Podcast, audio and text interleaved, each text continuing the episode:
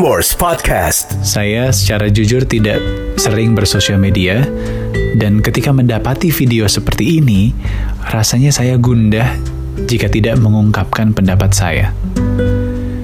Sebagai manusia tentunya kita pasti memiliki banyak kekurangan.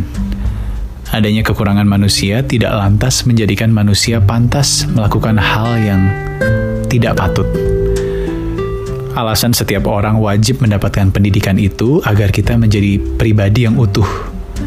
Belajar matematika mengasah pola pikir manusia.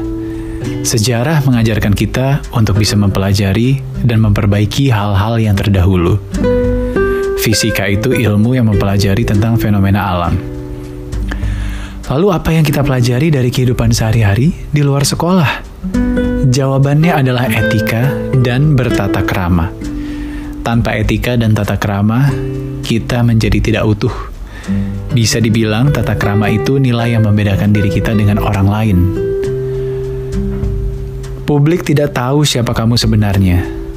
Publik hanya tahu apa yang kamu tampakkan. Jika kamu menampakkan sesuatu yang positif, maka kesan yang didapat pun positif. Dan sebaliknya, jika kamu menampakkan sesuatu yang negatif, maka kamu hanya mempermalukan diri sendiri.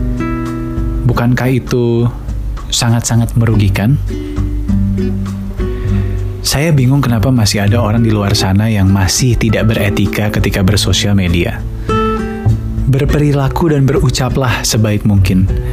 Ingatlah selalu bahwa ucapan berperan menunjukkan karakter seseorang. Dan ingatlah selalu bahwa tidak ada kesempatan kedua dalam ucapan.